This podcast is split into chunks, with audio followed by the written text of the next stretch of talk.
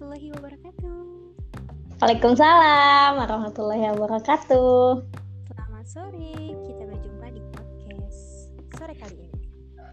Nah, kali ini saya oh perkenalkan diri dulu. Perkenalkan nama saya Sri Wahyuni dan sore ini saya akan membersamai teman saya nih dalam podcast kali ini. Uh, sebelumnya kita langsung ngobrol-ngobrol bareng aja ya. Halo Zulfa. Iya Yuni, gue perkenalan dulu gak sih? Iya boleh silakan. Uh, mau perkenalan sendiri atau diperkenalkan nih? Gimana ya? gue perkenalan diri sendiri aja. Boleh. Bahkan. Oke, hai teman-teman. Jadi nama aku Zulfa Rahma dari uh, kelas AS 19C. Terus kuliahnya di Ekonomi Syariah Sebi uh, Zulfa kegiatan sehari-harinya apa nih? Kuliah sih, gue cuma kuliah doang. Beda kan sama lu, lu ada bisnis-bisnisnya. Oh enggak sih, sa ya sama bisnis baru mulai doang juga nih sama. Uh, Oke, okay, Zulfa sehari-hari kuliah aja nih. Zulfa aslinya orang mana? Dari Padang. Oh, asli orang Padang. Iya. Kita main ke sana untuk makan nasi Padang doang ya. iya, ditunggu. Oke, uh, lanjut nih kita ke pembahasan. Kita mau bahas tentang manajemen konflik nih. Uh, iya. Sebelum kita masuk ke sana, menurut uh, Zulfa sendiri nih, manajemen konflik tuh apa sih gitu? Yang uh, atau cuma yang konflik-konflik aja itu yang berantem-berantem ke hal negatif aja gitu atau gimana sih menurut pandangan Zulfa sendiri? Menurut aku sih enggak ya, soalnya kan di dalam Islam kan kita mau bahas manajemen konflik dalam Islam. Jadi di agama Islam kan semuanya diatur dari hal yang sepele sampai yang ribet gitu kan. Jadi pasti ada diatur gitu manajemen konflik dalam Islam. Mungkin sumbernya gimana, cara ngatasinnya gimana gitu. Oh gitu. Nah kayak tadi nih barusan kita uh, Zulfa menyebutkan sumber gitu ya. Kalau sumber konflik sendiri tuh dia dari mana sih gitu atau dari cekcok cekcok aja nih gitu yang dari omongan satu ke omongan lain gitu yang menimbulkan konflik atau seperti apa nih sumbernya? Jadi sumber konflik ini banyak banget ya. Bisa dipicu karena fisik tuh, kayak contohnya yang terjadi di Amerika Serikat kemarin yang perbedaan warna kulit tuh. Oh iya, sempat dengar beritanya juga sih. Terus gimana tuh gimana? ya kan ada diskriminasi antara kulit hitam dan kulit putih. Terus juga ada sumbernya karena adat istiadat, ilmu, bahkan pemahaman dan keyakinan. Tapi lebih banyak kita ketemu ketemu konflik ini di perbedaan pendapat kayak di organisasi atau di sebuah musyawarah atau dunia kerja paling sering nemu konflik itu pas kita beda pendapat gitu nggak sih? Iya benar-benar. Kadang kita oh, maksud kita A nih ternyata maksud si ini B gitu kan tuh bisa memicu adanya konflik tuh ya? Mm-mm, jadi nanti tergantung gimana sih harus berlapang dada. Ketika bukan yang kita inginkan tuh jadi apa sih inti dari misalnya kita mau musyawarah ada suatu ide. Jadi kalau misalnya si A bilang ini si B bilang ini dan kita beda pendapat jadi kita harus lapang dada nih harus oh berarti bukan belum ide aku nih yang dipakai mungkin harus dirumuskan lagi gitu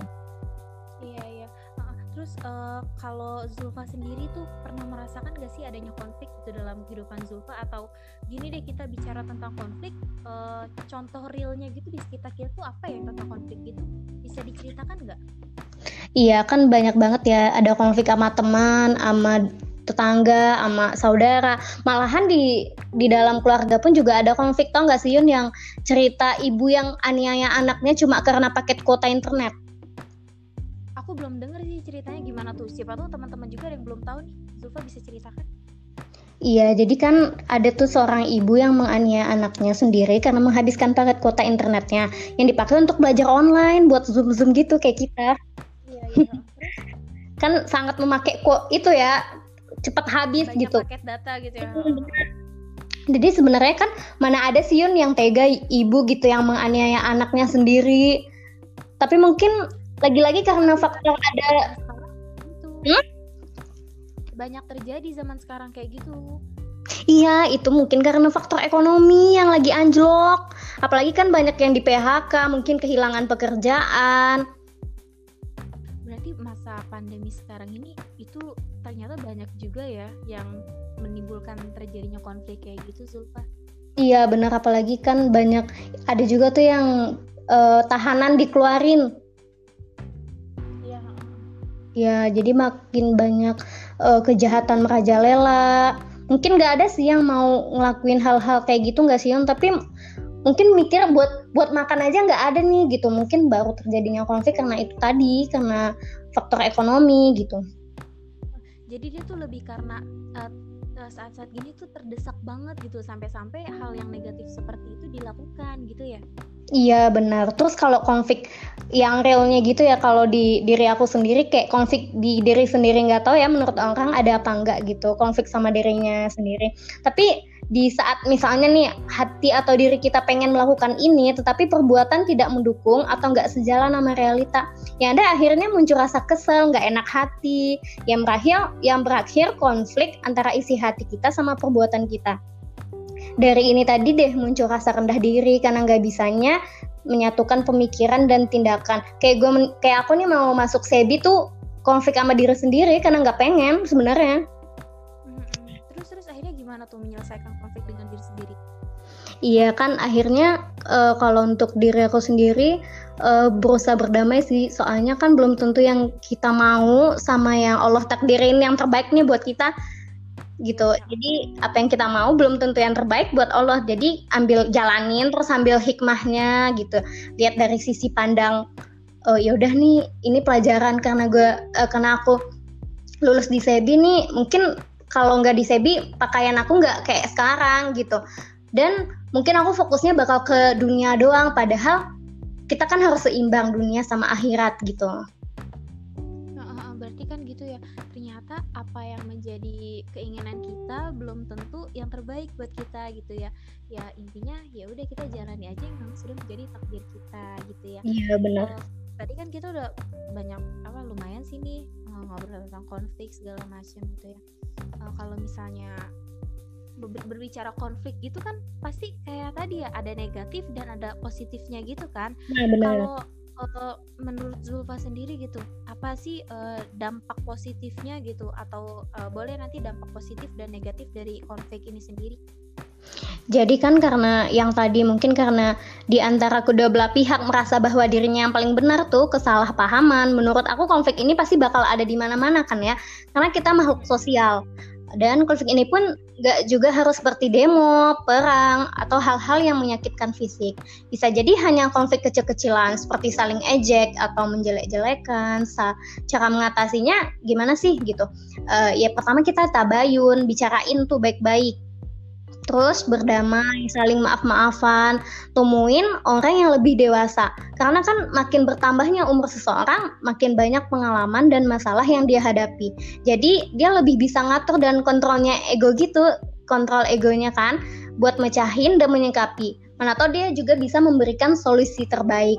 Jadi kalau misalnya kita konflik nih sama teman atau sama saudara atau sama siapa aja yang ketemu gitu kan, mungkin efek positif konflik ini konflik ini mungkin abis kita maaf-maafan jadi lebih lega walaupun kita nggak bakal bisa tuh lupa ja, lupa masalahnya gitu kan. 100% mungkin kita nggak bakal bisa lupa. Tapi abis maaf-maafan pasti kita bakal lega. Terus kita jadi paham gimana sih karakter orang tersebut lebih tafahum gitu. Dan buat interaksi ke depannya pun kita juga jauh lebih bisa menyikapi dan menghindari agar hubungan antar sesama tadi nggak bakal terulang lagi gitu konfliknya jadi uh, ternyata banyak banget gitu ya dampaknya dan nggak yang seperti yang kita pikirkan gitu bahwa konflik itu hanya ke hal yang negatif saja gitu ya. Uh, uh, baik nih beralih lagi nih Zulfa. Kalau misalnya kita berbicara konflik gini nih uh, itu bagaimana sih caranya biar si konflik nih nggak timbul gitu? Bagaimana nih cara sehatnya gitu biar nggak uh, ada konflik itu di antara kita? Ya maksudnya nggak ada konflik itu di antar sesama kita tuh gimana ya Iya, jadi kan mungkin uh, biar kita nggak konflik gitu. Kalau dalam cara persaingan aja ya kita bahas. Kalau prinsip aku sendiri sih Yun, kita nih pasti punya tujuan hidup yang beda-beda ya kan? Iya benar-benar. Uh, nggak mungkin tujuan aku sama tujuan kamu hidup itu 100% sama. Bahkan orang yang sudah berumah tangga pun ya, belum tentu mereka tujuan hidupnya sama loh. Nah, benar. Padahal mereka kan udah ya udah buat tujuan hati gitu ya. padahal ya udah udah satu gitu tapi belum tentu tujuan hidupnya itu sama apalagi yang cuma teman gitu nggak sih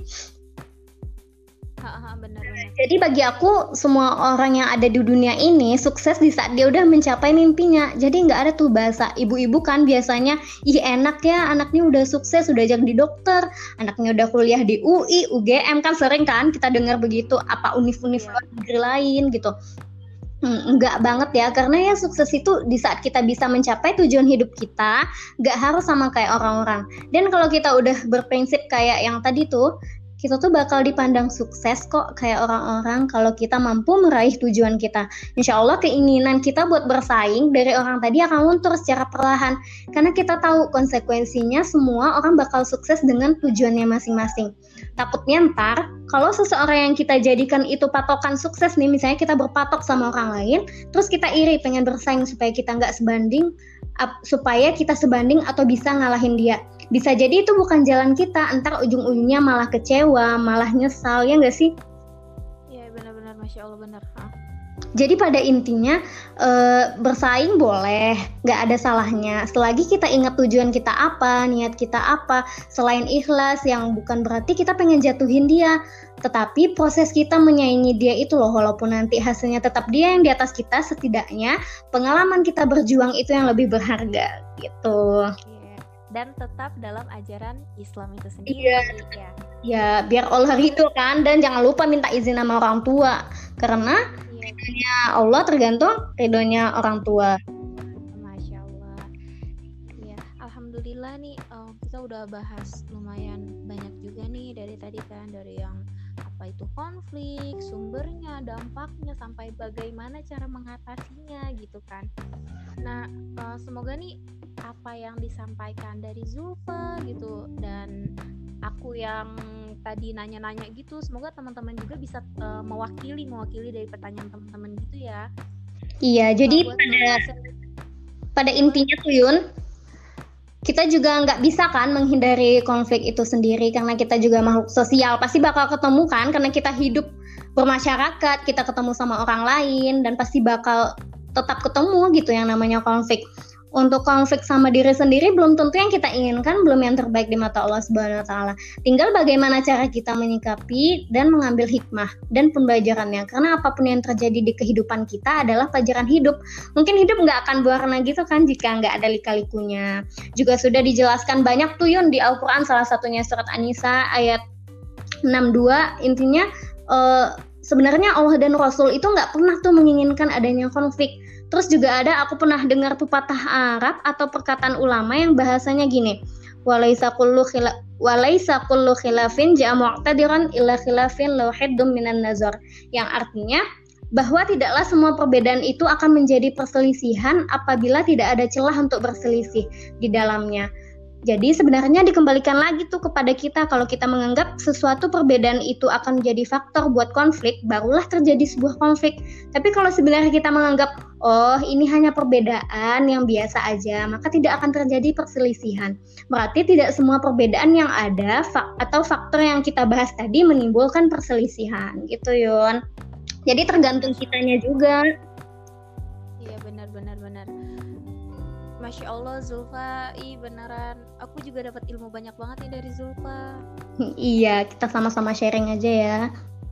Iya, semoga buat teman-teman juga nih bisa mengambil yang baik-baik nih dari obrolan kita sore sore kali ini. Uh, buat uh, Zulfa, terima kasih banyak nih sudah mau ngobrol-ngobrol dengan aku. Iya. iya, makasih juga Yuni. Terus semoga bermanfaat ya. Amin, amin. Bagi pendengar dan juga kita semua. Amin. Semoga nanti kita bisa itu ya join bareng lagi nih kita buat ngobrolin hal-hal lain lagi.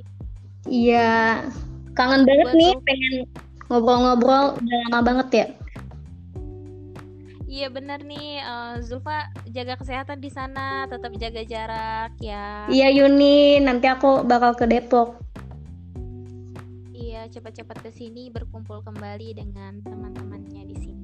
Iya. Ya udah Zulfa, makasih banyak nih udah mau sharing-sharing bareng. Iya Yuni, sama-sama. Uh, uh, sampai berjumpa di lain kesempatan. Terima kasih banyak Zulfa.